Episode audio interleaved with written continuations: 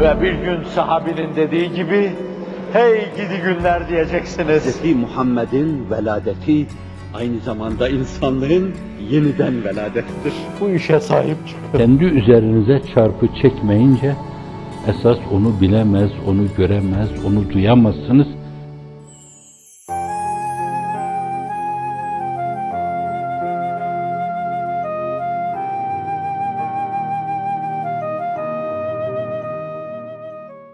Zulme uğradıktan sonra hicret edenler. Min ba'di ma zulimu lenubevvenem fid dünya hasene. Dünyada ben onlara Allah buyuruyor ki güzellikler hazırladım. Gittikleri yerlerde inşallah güzeller güzelinin güzelliklerini anlatmak suretiyle şimdiye kadar niye gitmedik dedirtecek şekilde çok önemli bir misyonu eda etmiş olurlar. Allah'ın izni inayetiyle. Hicret bu.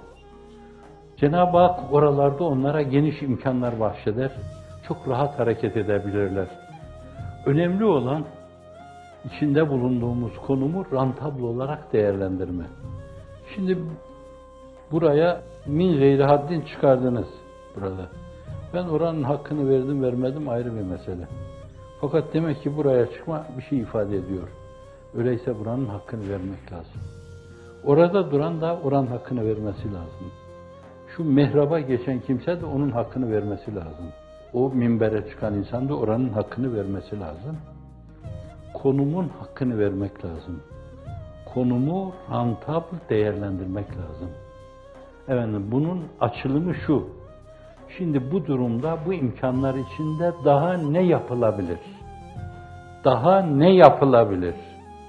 Ortak akla müracaat ederek meşverete مَا خَابَ مَنْ isteşara. İstişare eden haybet yaşamaz. Şimdi bu pozisyonda olan insan ne yapabilir?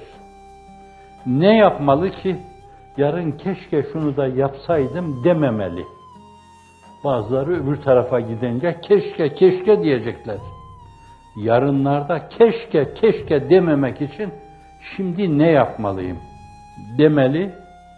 Konumunu rantabl olarak değerlendirmeli. Allah'ın izni inayetiyle doğacaktır sana vaat ettiği günler hakkın. Kim bilir belki yarın, belki yarından da yakın. Mümine sadakat yaraşır görse de ikra, doğruların yardımcısıdır Hazreti Allah Celle Celaluhu. Zalimlere dedirtir Hazreti Mevla, Tallahi lekad aterekallahu aleyna vesselam.